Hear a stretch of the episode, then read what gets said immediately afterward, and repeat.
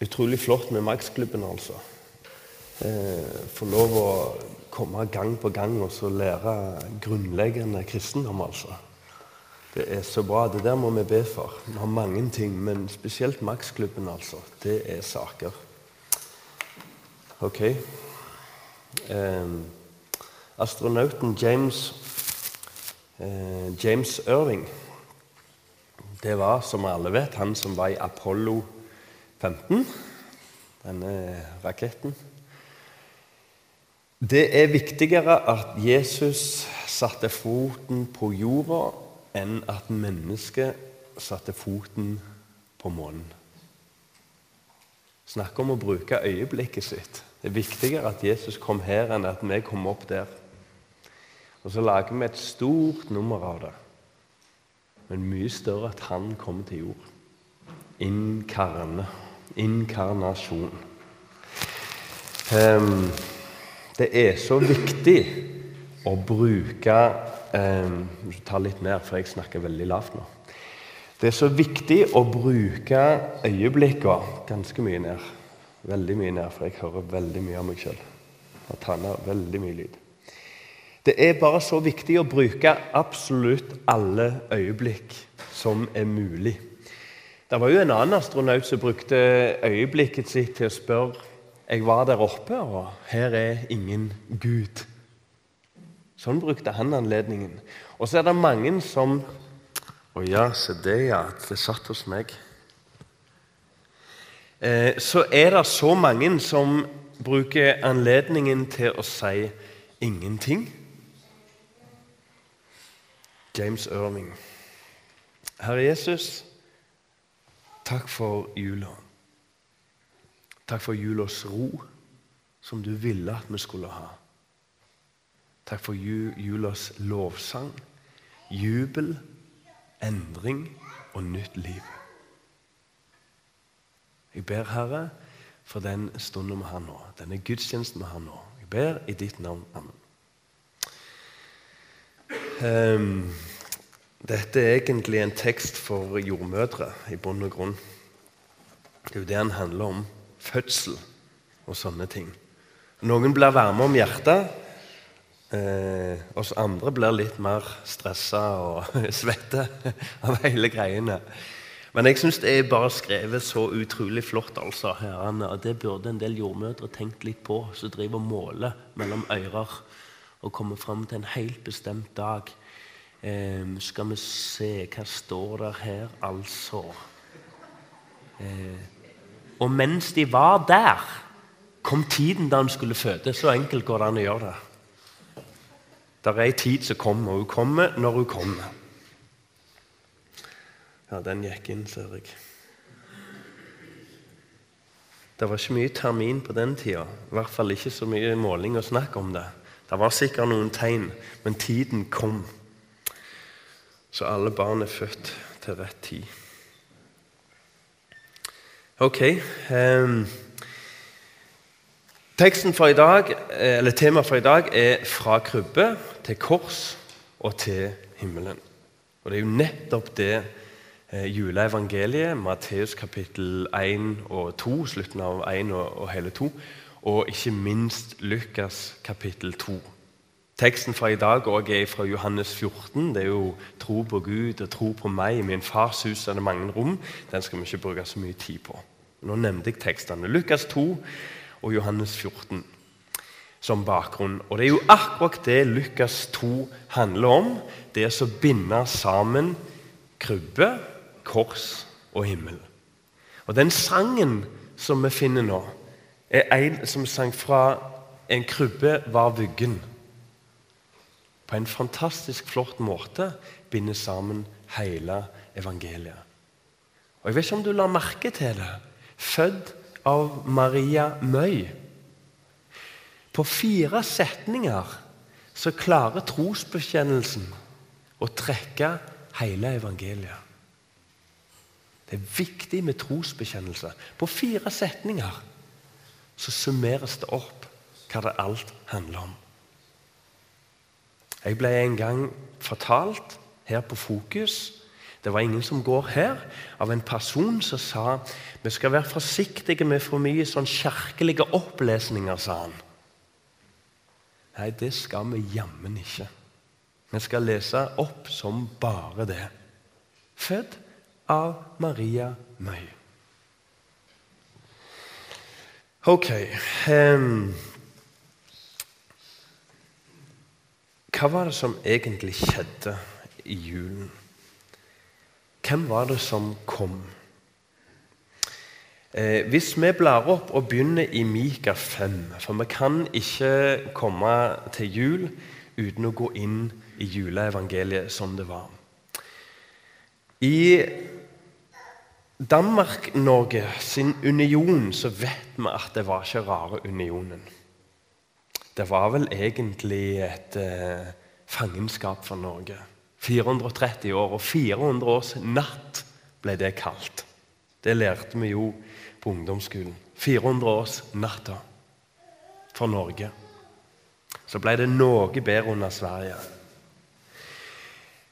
Snakk om natt, du. Tenk å være israelsfolk.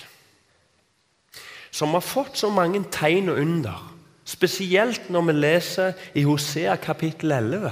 Fra Egypt kalte jeg min sønn, står der. Og Jo mer jeg kalte på dem, jo mer vendte de seg bort fra meg, står der i Hosea. Gud konkluderer på den tida at israelsfolket har fått så enormt mye budskap, trøst, hjelp, under og respons fra Gud sjøl i himmelen. Mika 5 er ett av de versene som vi kan få. Men saken er nemlig det at fra 400 år før Kristus og fram til Jesus kom, så var det aldeles stille.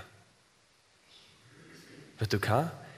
Det var ikke rare mørk Norge lever under framfor det mørke Israels levde under. 400 år uten et knust ifra Gud. Han som lovte de skulle bli tallrike som sand, som stjernene. Han som lovte at Gud skulle gå med dem om dagen. Han som lovte at Gud skulle vokte dem om natta. Ikke et knust. Likevel skal vi lære oss var det en forventning om Messias. Det sier litt om pedagogikken til rabbinerne. Legg merke til det. Det sier litt om pedagogikken til rabbinerne. 400 år uten et knust. Og likevel så lå Messias-forventningen i israelsfolket. Det var mye forsøk på utnyttelse av falske Messiaser òg på det.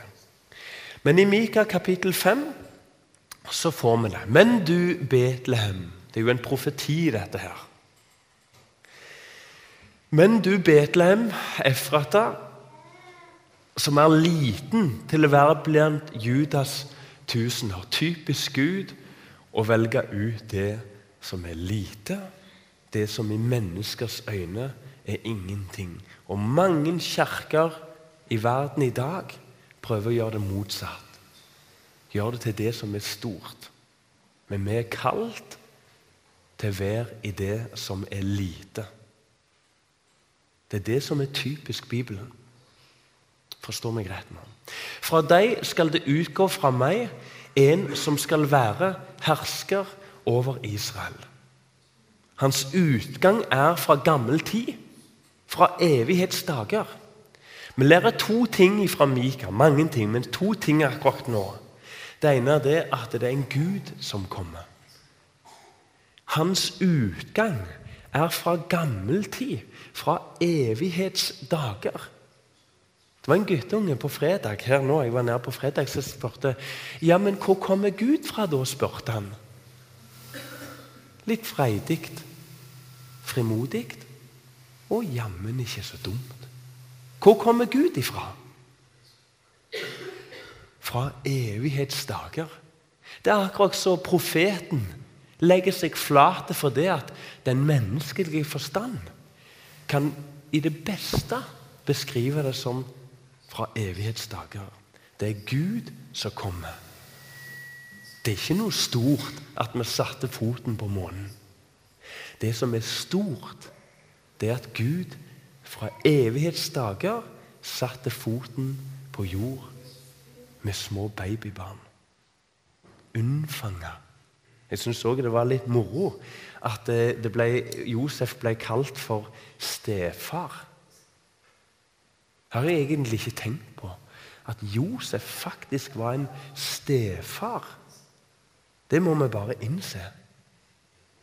For en entré. For en entré. Vel, i hvert fall så Hvis vi leser litt videre fra Mika, eh, så kan vi få opp Derfor skal han overgi dem inntil den tid da hun skal føde, har født. Jeg tror vi stopper, jeg tror vi stopper der. Det er to ting nå. For det første så er det en som er fra eldgammel tid. Og for det andre så er det hun. Gud velger ut ei 14-15, kanskje 16 år. Maks antas det 18 år gammel jente. Han gjør det gjennom et menneske. Og så har dere hørt det jeg har nevnt før, og prøvd å få fram det poenget at Gud er sann Gud og sant menneske gjennom Jesus. Og Så tenker noen må en mase på det? Må en bruke så mye på det, tid på det? Ja, vet du hva? Våre kirkefredere brukte, brukte masse tid på det. De brukte så mye tid på det at i 325 Nikea så ble kirka splitta i to. La oss ikke være så naiv og tenke samme det. Dette var så viktig, for noen kunne ikke akseptere at Gud kom ned og ble menneske som meg og deg. Vet du hva det står så nydelig en plass? Men jeg, jeg, husker ikke hvem som har skrevet det, men jeg har notert meg det. Så nær er Gud, som hud mot hud, som varmen fra ditt kinn. ikke det flott? Tenk på de som fikk lufta Jesus opp, som du og jeg skulle lufte opp våre barn, kinn mot kinn. Jeg leste en prest ifra, ifra Og nå glemte jeg bygget. Jeg leste på Internett. Julen er tid for berørelse. Tenkte jeg Det var noe voldsomt å blande inn i ei kirke. Men det er helt sant. I julen berørte Maria sitt kinn Gud sjøl. Dette må vi undres over. For det er helt unaturlig at Gud skulle gjøre det. Hvis vi får, klarte å få opp den der saken som jeg, jeg hadde med iPad i dag for å liksom vise at det er ting i endring i mitt liv. Men hvis du klarer å få det opp Ja, se det. Det er en, en, en eh, Efraim Syreren, blir han kalt, som skriver litt om inkarnasjonen. Det er jo det julen handler om. Eh, karneval, det vet vi at det, eh, karnevalet det betyr eh, bort fra skjøt'. Altså nå starter eh, fastetida. Det feirer vi med den siste eh, festen.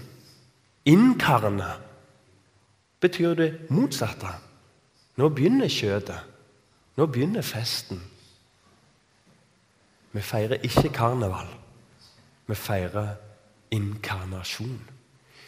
Hør hva syreren, eh, Efraim syreren skriver om dette at han er født av ei dame. Han er et fullt menneske med skinn, med blod.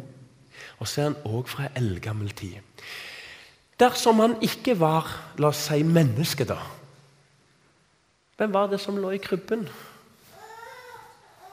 Og dersom han ikke var Gud, hvem var det englene kom for å lovprise? Har Gud kommet for å lovprise deg med englekor. Dersom en ikke var kjøtt, hvem ble da svøpt i et linklede? Og dersom en ikke var Gud, hvem var det gjeterne Hvem var det gjeterne tilbake? Ja, tilba? Ja, bra. Og når vi fortsetter å lese her nå, Så legg merke til selve poenget. Poenget er at Bibelen gir oss en masse smakebiter av full Gud og full menneske. Sann Gud og sant menneske. Hvis dette blir galt, så blir hele trosgrunnlaget ditt aldeles galt. Og Dersom han ikke var Gud, hvem var det gjeterne tilbar? Og dersom han ikke var kjøtt, hvem var det Maria gav bryst? Vet du hva? Mange kirker kunne ikke snakket om det. Og dersom han ikke var Gud, til hvem ofret vismennene gaver? Dersom han ikke var kjøtt, hvem var det Josef omskar? Sant menneske. Og dersom han ikke var Gud, til hvem sin ære skjøt en stjerne gjennom himmelen? himlene. Dersom han ikke var kjøtt, hvem falt i søvn i båten? Og dersom han ikke var Gud, hvem truet vinden og sjøen? Dersom han ikke var kjøtt, hvem var det fariseerne Simon spiste sammen med? Og dersom han ikke var Gud, hvem tilga syndene til den lastefulle kvinnen? Dersom han ikke var kjøtt, hvem tok imot spytt i ansiktet sitt? En liten detalj. Den menneskelige detalj. Og dersom han ikke var Gud, hvem pustet Den hellige ånd inn i ansiktene til apostlene? Jeg tror vi stopper der, fordi det er mye å gå hjem og les. finner han på Internett. Efrem syreren. Sann Gud og sant menneske. Hvem ville òg så gjerne komme? Jesus kom til jord. Hyrdene kom til jord. Vismennene kom til jord, sier, kom til Betlehem. Herodes ville så gjerne òg komme. I 2000 år har folk trukket fram viktigheten av at vismennene ble varsla i en drøm om å ta en annen vei tilbake. I 2000 år har forkynnere over hele jord varsla at når du og jeg har fått Jesus i vårt liv, så begynner en ny kurs i vårt liv. Det kalles omvendelse. Det kalles nytt liv. For Herodes vil så gjerne drepe barnet. Herodes er ikke først og fremst redd for at barnet blir født, hvis han bare kan få drept det. Satan er ikke så redd for at Jesus får bolig i et nytt, oppvekt menneskes liv hvis det bare kan dø. Stille.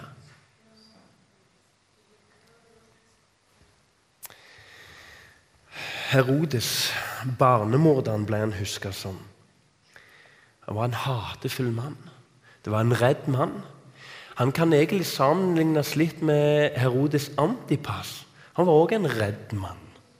Han som fikk hodet på et fat, så skjønte at han lot seg lure av den onde kona si. Men frykten var så stor. Fullskapen ødela i livet hans. Og så hogde han hodet av Johannes hode. Fiendskap, hat. Treet gror oppover. Istapper gror nedover. Godhet gror utover. Hatet gror innover, sier Sverre Terkelsen. Hatet gror innover. Julen er en påminnelse om sårheten og kampen mellom det gode og det vonde. Mellom Guds ekte kjærlighet og hatet. Det var litt rart for meg å se når eh, disse to jentene tente det første lyset, så var det akkurat som det var i ferd med å dø hen. Og så blomstra det opp. Er ikke det julen?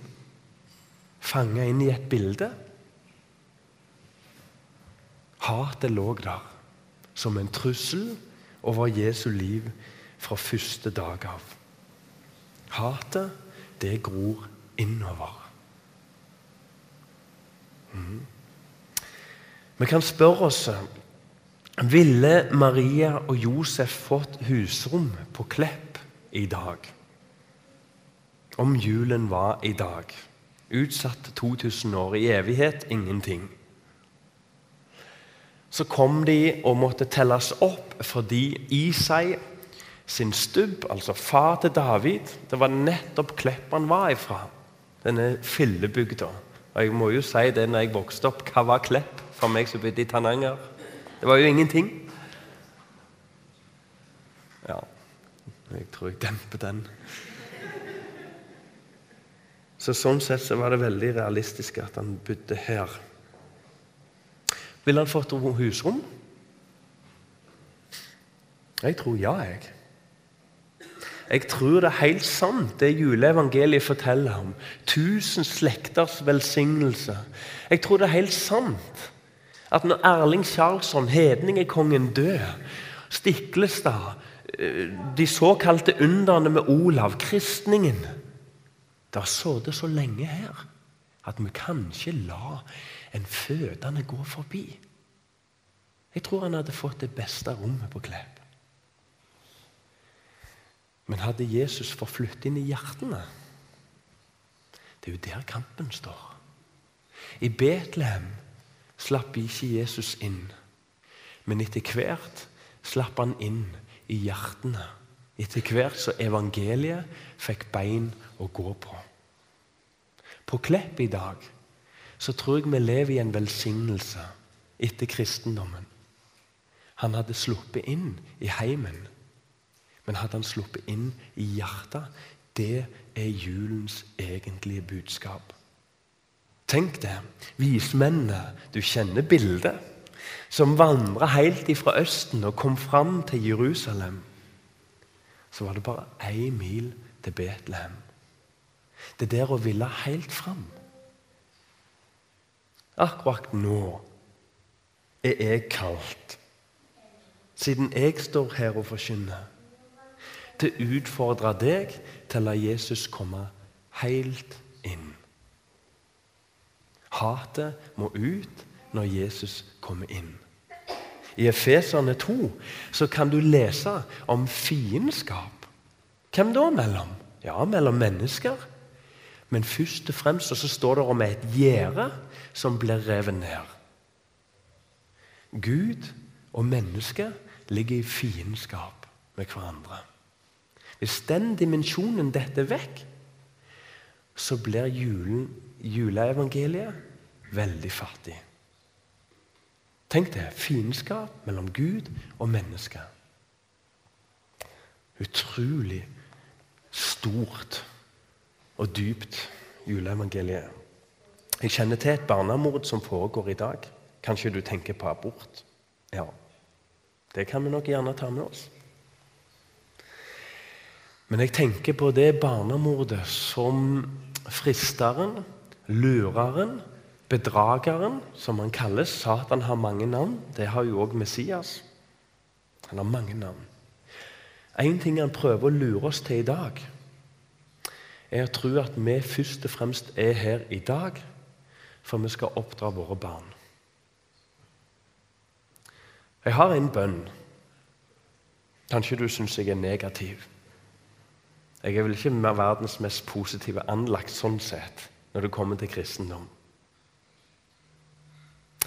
Men jeg har en tanke som ikke må skje i fokus. Og det er det som Jeg synes, Jeg har ingen statistikk på det, men jeg husker mor og far sa en gang Vi hadde ikke trodd at frafallet skulle være størst blant 50-60-åringer. Når folk passerer noen og 40 år, forsvinner de fra bedehus og kirke. Hvorfor det? Fordi jeg tror Satan lurer oss til at det viktigste for oss er å oppdra våre barn. Det er viktig, men det er ikke det viktigste. Det viktigste for deg er å høre Guds ord. Det er det viktigste. Skjønner du det? Så mange foreldre som forsvinner fra fellesskapet straks ungene er 15 år. Jeg syns jeg har sett det. Jeg syns jeg har vært lenge nok på dette huset. Jeg skal være litt forsiktig. Og Jeg kan ikke trekke den konklusjonen sjøl, men jeg syns jeg har sett litt tegn til det på dette huset. Straks folk passerer 45, så forsvinner veldig mange. Straks ungene forsvinner. Men du, vær en mentor. Du husker sikkert, om du fikk den filosofien, Odyssev og den der sønnen og Hva var den het igjen? Eh, eh, jeg måtte slå det opp. Telemarkus. Odyssev skal ut i krig. Det tar 14 år. Han bruker 14 år å komme hjem. Han setter Telemarkus til å passe på sønnen sin. Nei, eh, han setter en mentor til å sette på sønnen, passe på sønnen sin Markus. Telemarkus. Nå går det helt i surr. Så kommer han hjem, og så finner han at sønnen sin, Telemarkus, er oppdratt på en god måte. Det er der vi har ordet mentor fra. Han var en god mentor. Vi skal være gode mentorer. Vi skal være gode forbilder. Hvordan er vi det? Med sjøl å ha et behov for Guds ord. Jeg husker jeg ble provosert en gang. En sette, eh, om det var Ann, eh, Ingolf eller Anna Strand Det var en av de to brødrene. De var, de var prikk like, de der to. Som sa en gang jeg lytta til dem, hvem det er av de to var Et tegn for en kristen, et kjennetegn, er at han har behov for å høre Guds ord. Har han ikke det, bør han spørre seg om han er kristen. Jeg husker jeg ble så rasende. Jeg syntes det var lovisk, jeg syntes det var negativt. Men jeg tror det er noe sånt i det. La barna få se at vi sjøl trenger troa. Og det ligger sånn på meg, altså. Hvordan kom Jesus? En fattig konges entré, skriver Øyvind Andersen om. Og Det er en veldig god beskrivelse. En fattig konges entré. Eh, hva er det det heter? Sakkmodig. Ridende på et esel. Nå har nok vi litt lett for å tenke at eselet var liksom sånn skamfullt. Det tror jeg er litt feil, fordi at esel hadde nok ikke den eh, filleplassen i Israel som den har i dag. Det er mer det at vi har ikke så peiling på hester og esler. Esel var forbundet med fred. Hest forbundet med krig. Så det at Jesus kom på et esel, var ikke nødvendigvis så ydmykende. Men det at han kom sakkmodig, det var noe helt annet. Tenk på Jesu entré på jord. Stefar. Jeg kunne nevnt mange ting, men i dag kom jeg med mitt behov. Og så oppdager jeg en ny ting i dag fra en annen person i menigheten. Jesus hadde en stefar. For en entré. Eller for en mangel på entré. Hvorfor valgte Gud en fattig entré? En fattig konges entré? Har du tenkt på det?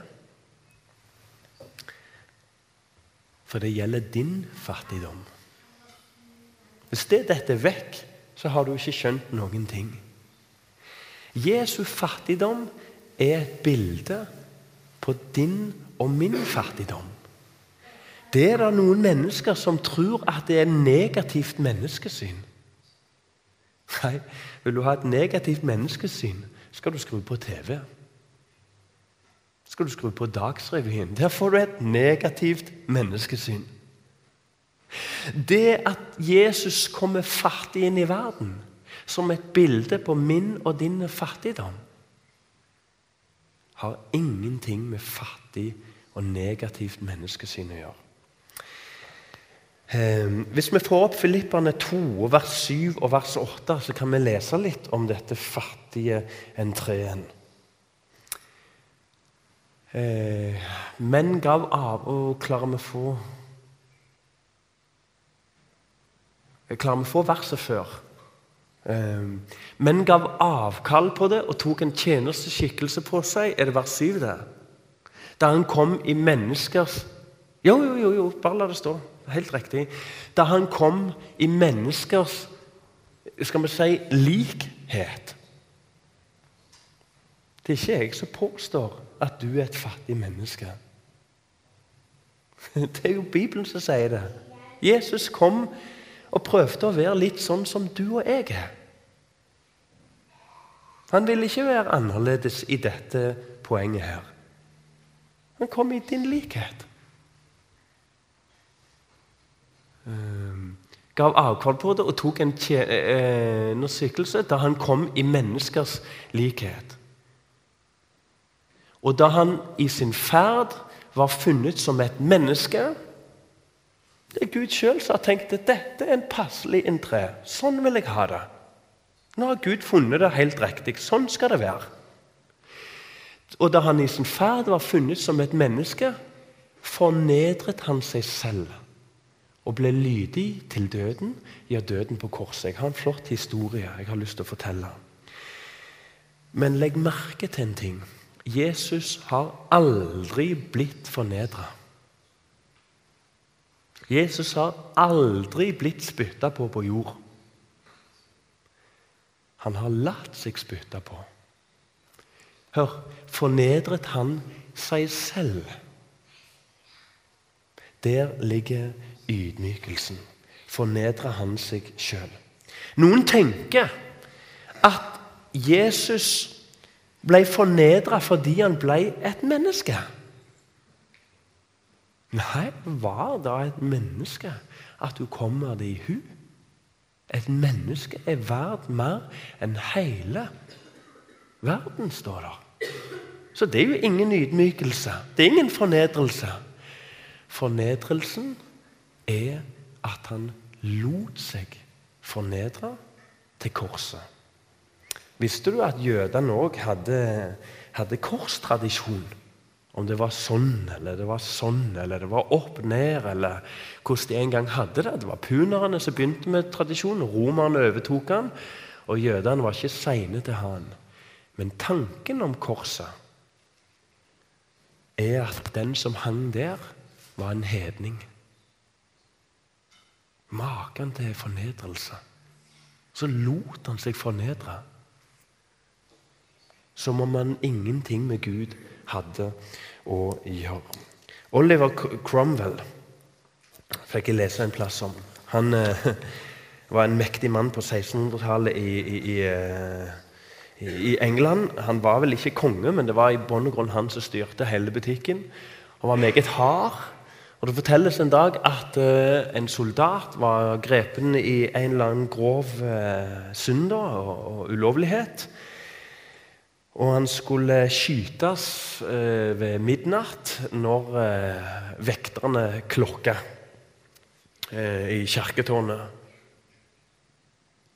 Forloveden klatra etter historien da, opp i dette klokka og festa seg sjøl og bandt seg fast til denne pendelen. Og så fortelles det at eh, Pendelen gikk, og det kom bare noen dumpe lyder fra klokka. Han sender soldatene opp og finner jo ei skamslåtte jente. Og Dette greip Cromwell sånn og ble viktig for hans eget liv.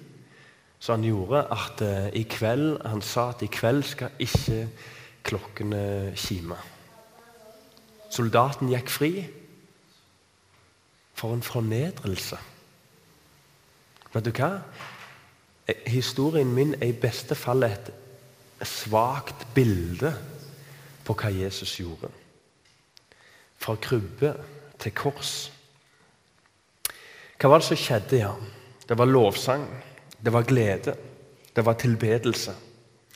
I Lukas 2 og vers 20 så står det eh, som følger eh, fra disse her gjeterne Hyrdene vendte så tilbake og de priste og lovet Gud for alt det de hadde hørt og sett, slik det var blitt sagt dem. Hvordan klarer vi å vikle oss inn i alle disse her merkelige lovsangsdiskusjonene? Jo, Bibelen har et syn på hva lovsang er. Men det er mange rare lovsangstilbedelser. Det er en jeg savner. hvorfor er det så lite lovsang? Det er en mye viktigere samtale. Det fortelles om noen gullgravere i Montana som opplevde indianere som angrep dem. Hestene ble frastjålet, de fikk noen skarve ponnier i bytte.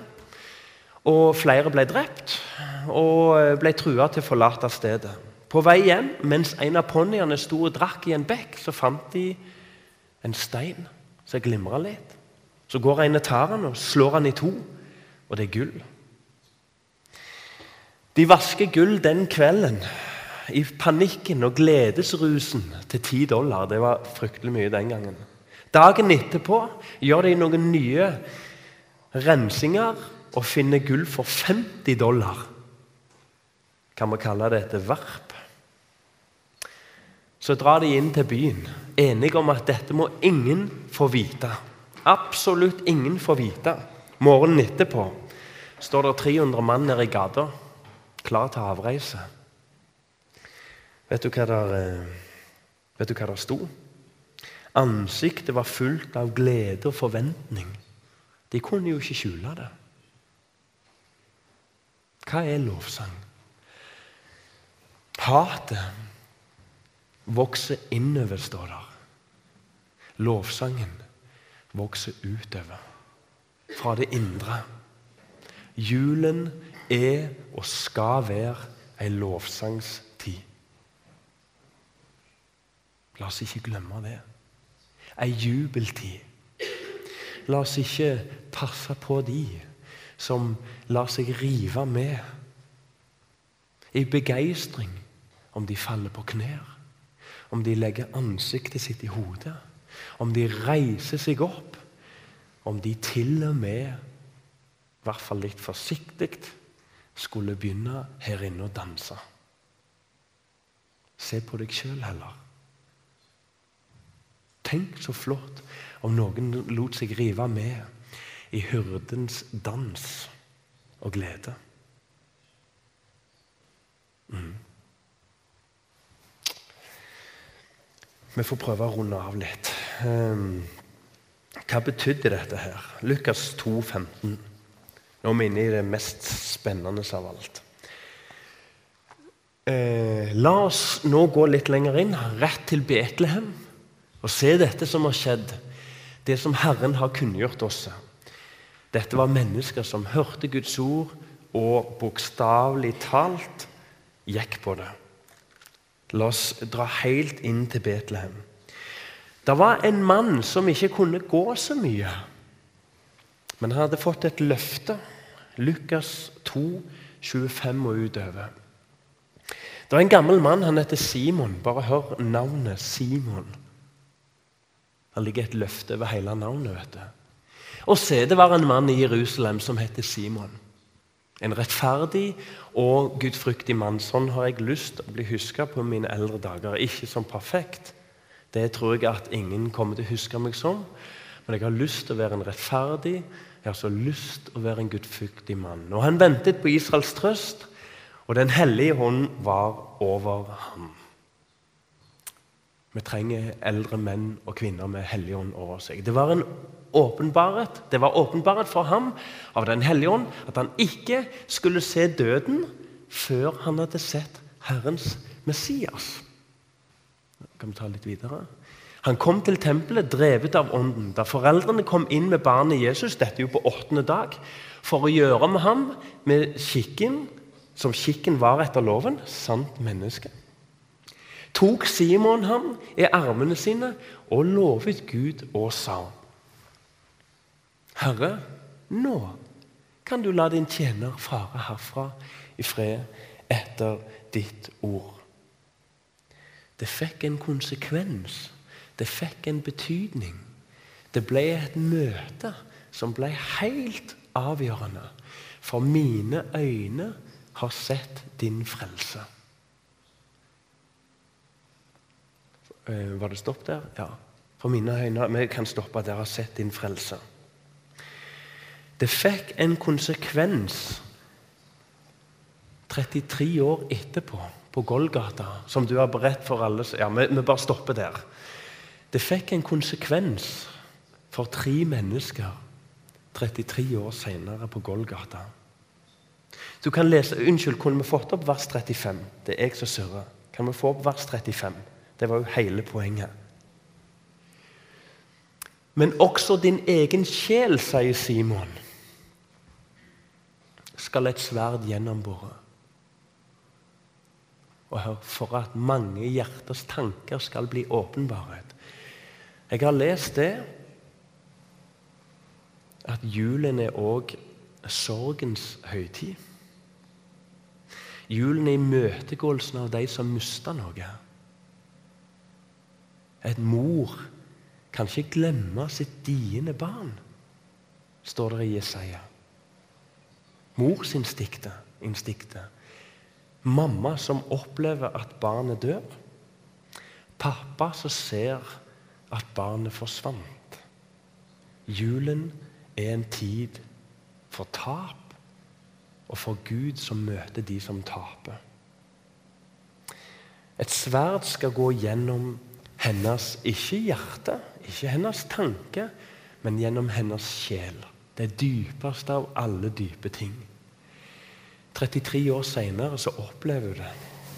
Dette som det står at du gjemte i hjertet sitt.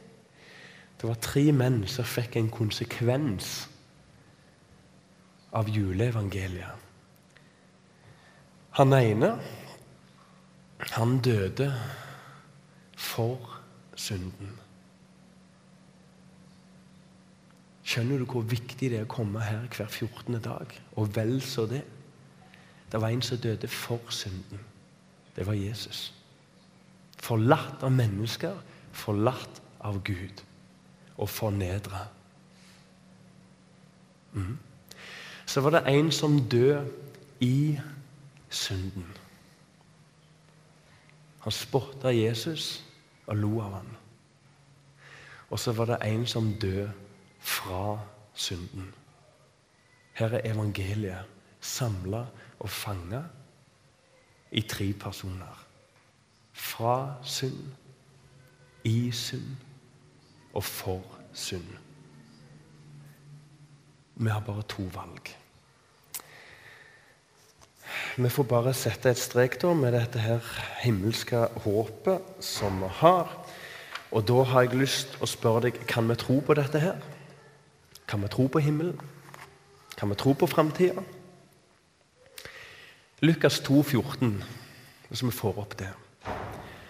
Så er det en lovsang, så det er vel gjeterne som har den. En lovsang de har som er helt unik. Nei, det er englene som har den. Lukas 2, 14. Og for en lovsang. I hvert fall så det som skjer, er at de sier 'ære være Gud i det høyeste' og 'fred på jorden'. Hør nå her. I mennesker Guds velbehag. Nå har jeg lyst til å stille deg et spørsmål. Husker du hva tid andre ganger dette skjedde? Inntoget til Jerusalem. Da var det folket som ropte det, men de ropte noe annet på slutten. De ropte ikke 'i mennesker Guds velbehag'.